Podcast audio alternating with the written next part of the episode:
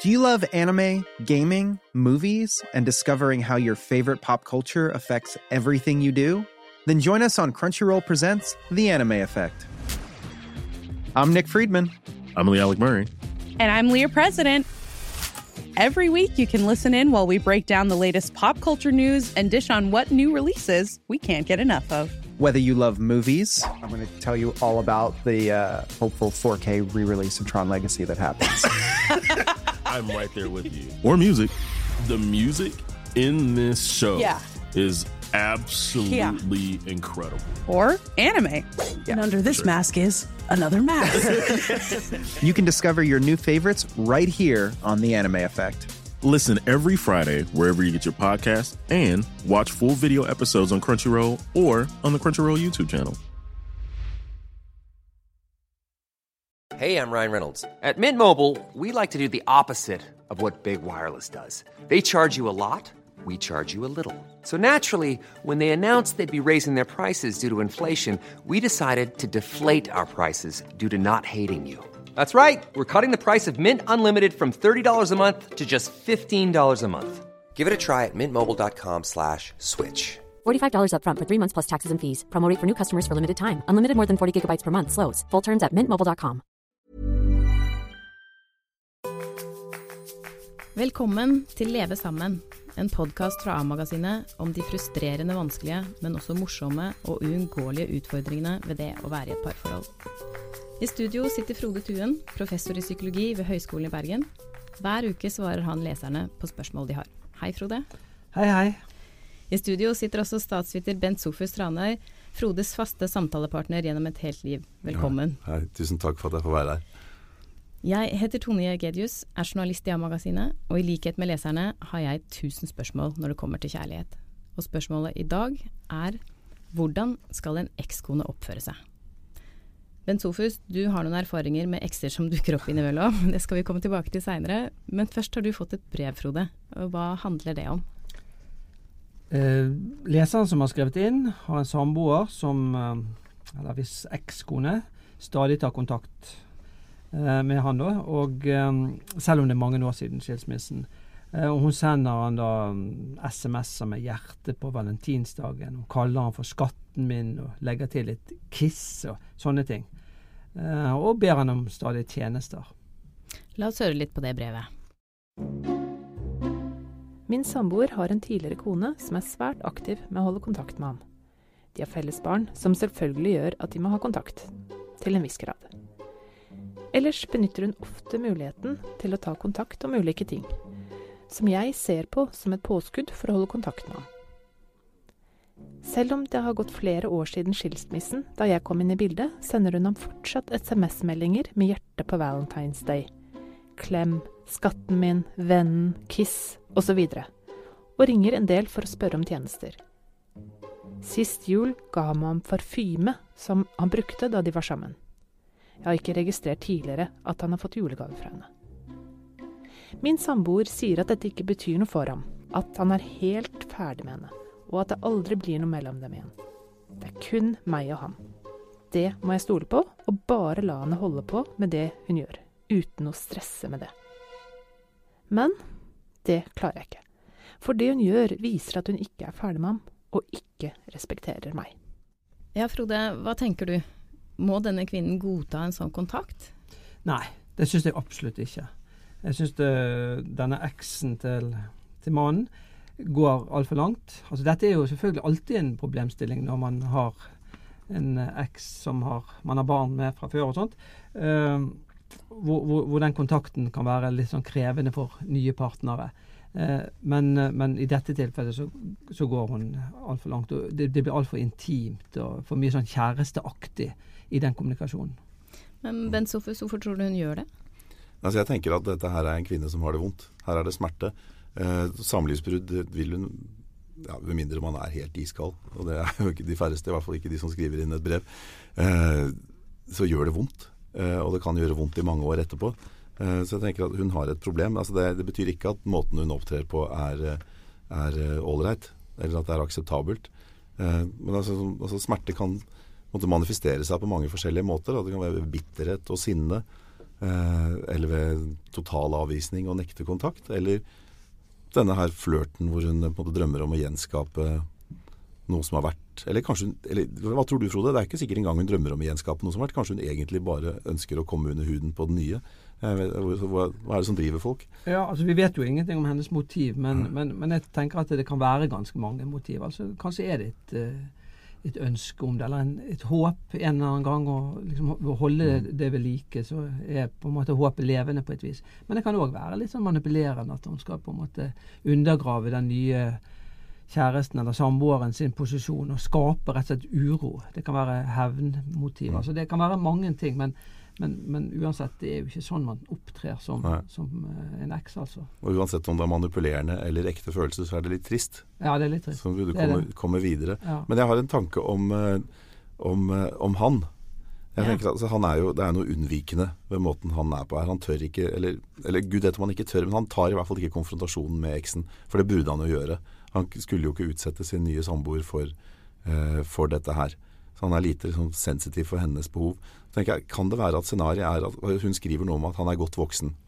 Uh, og han har altså et barn med eksen, men han har ikke barn med den nye, ser det ut som. I hvert fall måten hun snakker om å ta et brudd, så virker det som det ikke er noe barn inne i bildet. Sånn.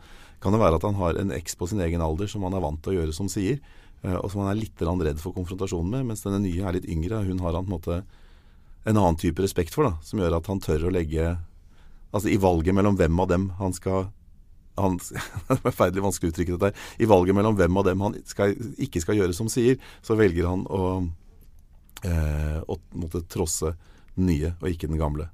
Er det feigt? Om det er feigt? Ja. Det er i hvert fall jeg, jeg, må innrømme at på bakgrunn av min livserfaring så skjønner jeg litt Jeg har en mistanke om at jeg, at jeg har litt for god eh, At jeg skjønner litt for godt hva som skjer.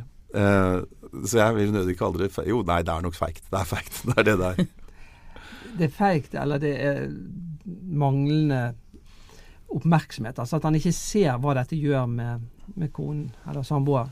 Det er jo sånn at mange tenker at det som vi ikke selv har vondt av, det må jo andre tåle. Sant? Altså På seg selv kjenner man andre. Sant?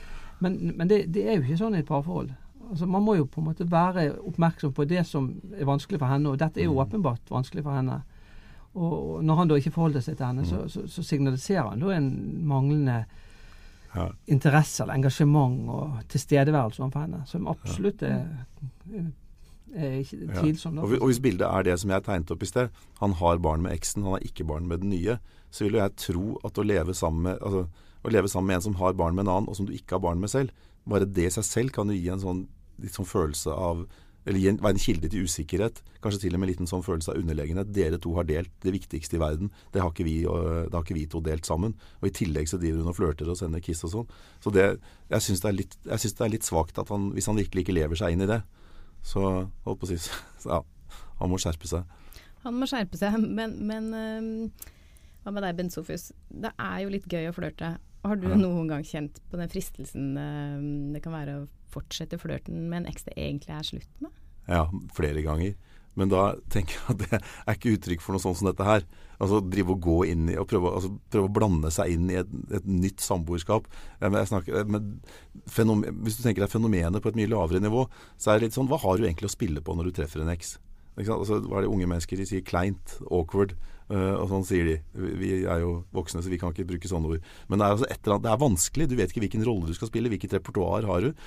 Og da, hvis du kan klare å falle tilbake til noe av det som var gøy, få tilbake noe av det glimtet som måtte være mellom dere, så blir det en slags flukt fra det vonde. Eller det, ikke det vonde, men det ubehagelige. Det blir rett og slett en, eh, en vei ut. Uh, men det er ikke det samme som at man ønsker å sette i gang igjen. Og i den forstand så tror jeg jeg flere ganger er, er skyldig i, i akkurat det her. Man kan også tenke seg at du legger opp til det, og så får du ikke respons. Det, det, da, da, blir det kleint. Ja, da blir det i hvert fall kleint. Sånn men altså, hva har du å spille på? Skal være kald, sur, forretningsmessig. Late som vedkommende ikke er der. Altså, nei, det er, eh, det er og blir en, si, en, strukturelt vanskelig situasjon. Da, å plutselig være veldig tett oppi en, eh, en eks. Men uh, Frode, eksperten her. Hvordan mener du man bør oppføre seg mot en eks? Um, Altså, vi har jo ofte en sånn forestilling om at det beste er at, eh, at, to foreldre som går fra hverandre, at de er gode venner. Det er kanskje det idealet vi tenker om en skilsmisse. Men jeg er litt tvilsom til det, eller tvilende til at det nødvendigvis trenger å være så bra. Trenger kanskje heller vi skal tenke om det som en slags eh, kollegarelasjon, altså at man er gode kolleger. For Hva er det som kjennetegner gode kollegaer? Jo, det er at man er høflig og konstruktiv og opptrer korrekt og ryddig. Eh, og det tenker jeg man skal gjøre med en eks også, uten at man nødvendigvis trenger å være veldig personlig eller veldig privat eller intim og sende sånne, den type meldinger. Og, for det, altså Én ting er at det skaper selvfølgelig usikkerhet, uh, sånn som det gjør i, i forhold til innsenderen her, men også i forhold til barn. Sant? Altså Hvis, uh, hvis ekspartnere har en veldig sånn intim tone seg imellom og veldig fortrolig og sånt, og liksom opptrer som veldig nære venner, så er det jo òg større mulighet eller større grunn for barna til å bli usikre på den relasjonen. Altså hvorfor, hvorfor kan ikke dere bo sammen når dere er så gode venner?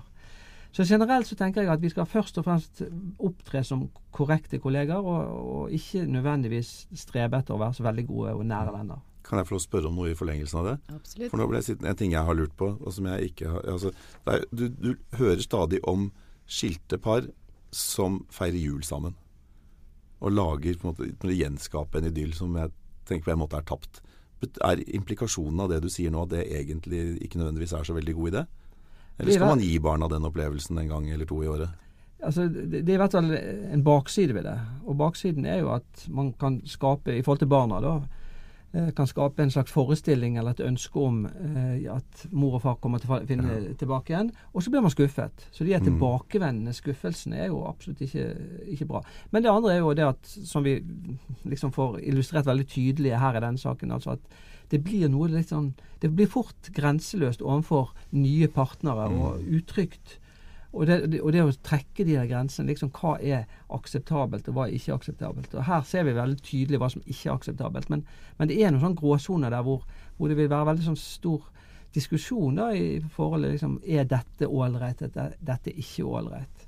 Så det å prøve å unngå de der gråsonene og situasjonene hvor det kan skape uenighet mellom de nye partene fordi at denne eksen kiler seg inn, altså. Og det har jo hun gjort her, da. Og, og det er lett for, altså, hvis man har for mye intimitet og nærhet. Så sette grenser og oppføre seg som gode kolleger, det tror jeg var uh, kloke råd, eh, Frode. Men dere, hvorfor er det så vanskelig å gå videre fra noe man har hatt? Jeg tenker at det er eh, Det varierer veldig mellom typen forhold. Men det vi ser på her, er jo et forhold hvor de faktisk har barn sammen.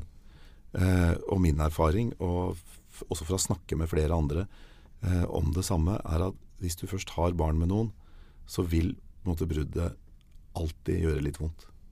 For det er noe med den derre mor, far, barn og det fellesskapet rundt det å ha et barn sammen. og Den, der, den du har barn sammen med, er det eneste mennesket som føler like sterkt for barna dine som du gjør. Eh, og det skaper, synes jeg skaper en litt sånn, sånn magisk form for enhet. Så selv om du selv om samlivet har brutt sammen, eh, og man åpenbart er dårlige sammen, eller det Frode alltid kaller at man spiller hverandre dårlig istedenfor å spille hverandre god, og det virkelig er gode grunner til å gå fra hverandre, så vil det der fellesskapet, det tapet av det fellesskapet, tror jeg vil alltid kunne være sårt for folk. Eh, sånn har jeg det, sånn har mange jeg kjenner det, eh, og jeg kan tenke at det er noe av det som ligger under for, for kvinnen i det brevet her også. Jeg tror også det med, med barn er veldig viktig, selvfølgelig. Men i tillegg så er det jo òg at, eh, at det er en tilknytning her, en kjærlighet, som veldig ofte ligger i bunnen. Og det er jo som regel når det blir slutt, så er det den ene parten som ønsker seg ut av forholdet, den andre ikke ønsker det. Og det å kunne på en måte gi slipp på en kjærlighet som, som er der, men som man på en måte ikke kan uh, leve ut, den er jo, det, det er vanskelig. altså. Man kan jo sammenligne med et dødsfall. Altså når, når en partner dør, så forsvinner jo vedkommende for alltid. Sant? Men når partneren går og, forlater en, så er jo han eller hun der. Og da er det òg vanskeligere å legge bak seg den kjærligheten. altså. Men hvis man da har sterke følelser for en eks, er det i det hele tatt lov å uttrykke dem på noen måte? Altså Det bør jo ikke komme til uttrykk på denne måten. Sant? Det er forståelig, eller det, Vi kan i hvert fall forstå at det er noen ubearbeidet følelser, eller det er en kjærlighet som på en måte ikke er helt bearbeidet, som, som ligger under. Men, men det er jo ikke en, en grunn til at man skal gjøre det. Man må jo likevel finne måter å leve med det og bære sin sorg. Og komme videre også, for sin egen del, ikke minst. Jeg, kan jeg spørre om en ting der? Ja. Jeg, jeg mener å ha erfart altså, erfart at kjærlighetssorg, som jo dette bare er en sterk variant av, alltid går over i en form for konstruktivt sinne. Nå gidder jeg ikke mer. Altså, Jeg orker ikke å være i denne tilstanden her lenger, hvor jeg lengter, og hvor jeg er patetisk, og hvor jeg sier patetiske ting eller gjør ting jeg angrer på. På et eller annet tid, Akkurat sånn selvoppholdelsesdriften, selvforsvaret, stiger opp i det. Er det ut fra det har jeg generalisert at det er den sunne og den riktige reaksjonen. At folk som ikke får den, at folk som blir hengende, at de kan trenge hjelp. Kan jeg spørre psykologkompisen min om, eh, Ja, ja, om, det? om eller, absolutt. Altså, det er noe som kalles sånn ubearbeidet sorg, eller Ja. komplisert sorg. Og, og, og hvis det er slik at du aldri kommer videre, ikke klarer å løfte deg ut av det, men kanskje heller på en måte blir gravet ned, eller graver deg ned i sorgen, så, så er jo ikke det, det er jo ikke det vi ønsker. Det er jo ikke det som er den gode måten å håndtere et brudd på. Ja. Men er det sært og spesielt ved meg at jeg, at jeg på en måte trenger sinne for å komme ut av det? Jeg tenker at det er den beste brekkstangen. Altså sånn altså, altså, for det er den personen som ikke vil ha deg lenger, den personen ydmyker deg litt. Ja. Og det ydmyking Du kan tåle ydmyking en stund, ydmykelse en stund, men så må du på en måte bli sint. Ja, Og, det, og det er, jeg ser for meg at det er den eneste veien ut, men det er jo bare fordi det er det eneste jeg har erfart. Det er i hvert fall en, en god vei ut. For da retter du på en måte energien utover. Ikke sant? Ja. Mens når du er, når du er inne i en, en kjærlighetssorg, så retter du eh, Mm. energien mye mer innover mot deg sjøl. Du blir lei deg og trist og nedfor og mister på en måte håp og alt sånt. Men fra sinne til noe litt uh, morsommere. Uh, Bent Sofus, vi sa i starten at du har noen erfaringer med ekser som bare dukker opp. Det hadde vært gøy å høre litt om det. Ja, det, det, må, det må, må ikke overdrive det her. Altså, det er, poenget mitt var bare Ok, vi lever i et samfunn med, med, hvor det er ganske vanlig å bli skilt. Og, er, og, og så har teknologien gjort det ganske lett å ta kontakt med hverandre igjen. Altså På Facebook og, og e-post og sånne ting. Så alt jeg, alt jeg skulle fram til, var at det finnes noen ungdomskjærester som har gitt lyd fra seg i mitt liv. Eh, og jeg kunne sikkert vært, uh, Hvis kortene hadde vært eh, lagt annerledes, kunne jeg sikkert ha gjort det samme. Men det er noe helt annet enn å drive og, og leve videre i en kjærlighetssorg. Og, altså prøve å blande seg inn i et, i et nytt parforhold som Men eks. har, har du selv falt for fristelsen noen gang til å fortsette en flørt med noe som egentlig er slutt? Ja, altså det har, jo det har, altså, Jeg tenker at det har noe med, med repertoaret å gjøre når man møter en eks. Hva skal du spille på? Hvordan var vi sammen? Det er det unge mennesker kaller kleint og awkward og, og vanskelig og sånn. En eller annen løsning på det kan være å falle tilbake til det gamle. Men det er klart at det har jo også ganske stor fallhøyde. For hvis da vedkommende ikke har lyst til å flørte tilbake med deg, så føler du deg superdum. Kanskje du ikke engang hadde egentlig lyst til å flørte. altså Den kommer ikke innenfra. Det er bare mer en sånn refleks. Så her er, eh, er rommet for for tabber eh, enormt. Men jeg har jo jeg har en litt mer alvorlig historie også som, eh, om, eh, om dette her. Og det er et, et, et parforhold som jeg kjenner ganske godt, hvor han har en eks som han har barn med. Og denne eksen hun er en ganske attraktiv dame, og hun har, men hun holder ikke så veldig på menn. da. Hun har en ny mann i, i ny og ne. Og hver gang hun er mellom menn, så begynner hun å flørte med sin eksmann. Og det syns jo hans nye partner, naturlig nok, er veldig ubehagelig. Eh, og det det viser jo bare at, eh, at dette her er en problemstilling som kommer i mange, mange varianter og tapninger. Men da kan dere si det til trøst for min venninne. da. Hun har det jo bedre enn hun her i brevet, for hun her i brevet har det jo hele tida. Hun andre får det bare i et røkk i ny og ne, og så går det over igjen. Og det er vel alltid alt å foretrekke. Det var det vi rakk om ekser i dag. Bent Sofus og Frode, tusen takk for at dere kom. Neste uke spør vi hva gjør man med en mann som koser seg i hjel og ikke tar vare på helsa si? Har du innspill, kommentarer eller spørsmål til noen av temaene vi tar opp i våre podkaster, send en mail til a-magasinet at aftenposten.no. Samme mailadresse kan du bruke om du har spørsmål om samliv og relasjoner som du ønsker Frode Thun skal svare på. Bare henvendelser som blir brukt i spalten, blir besvart. Du kan abonnere på podkasten Leve sammen i iTunes. På aftenposten.no og i A-magasinet kan du også følge med på hva Frode Tuen gir folk råd om. På gjenhør neste uke.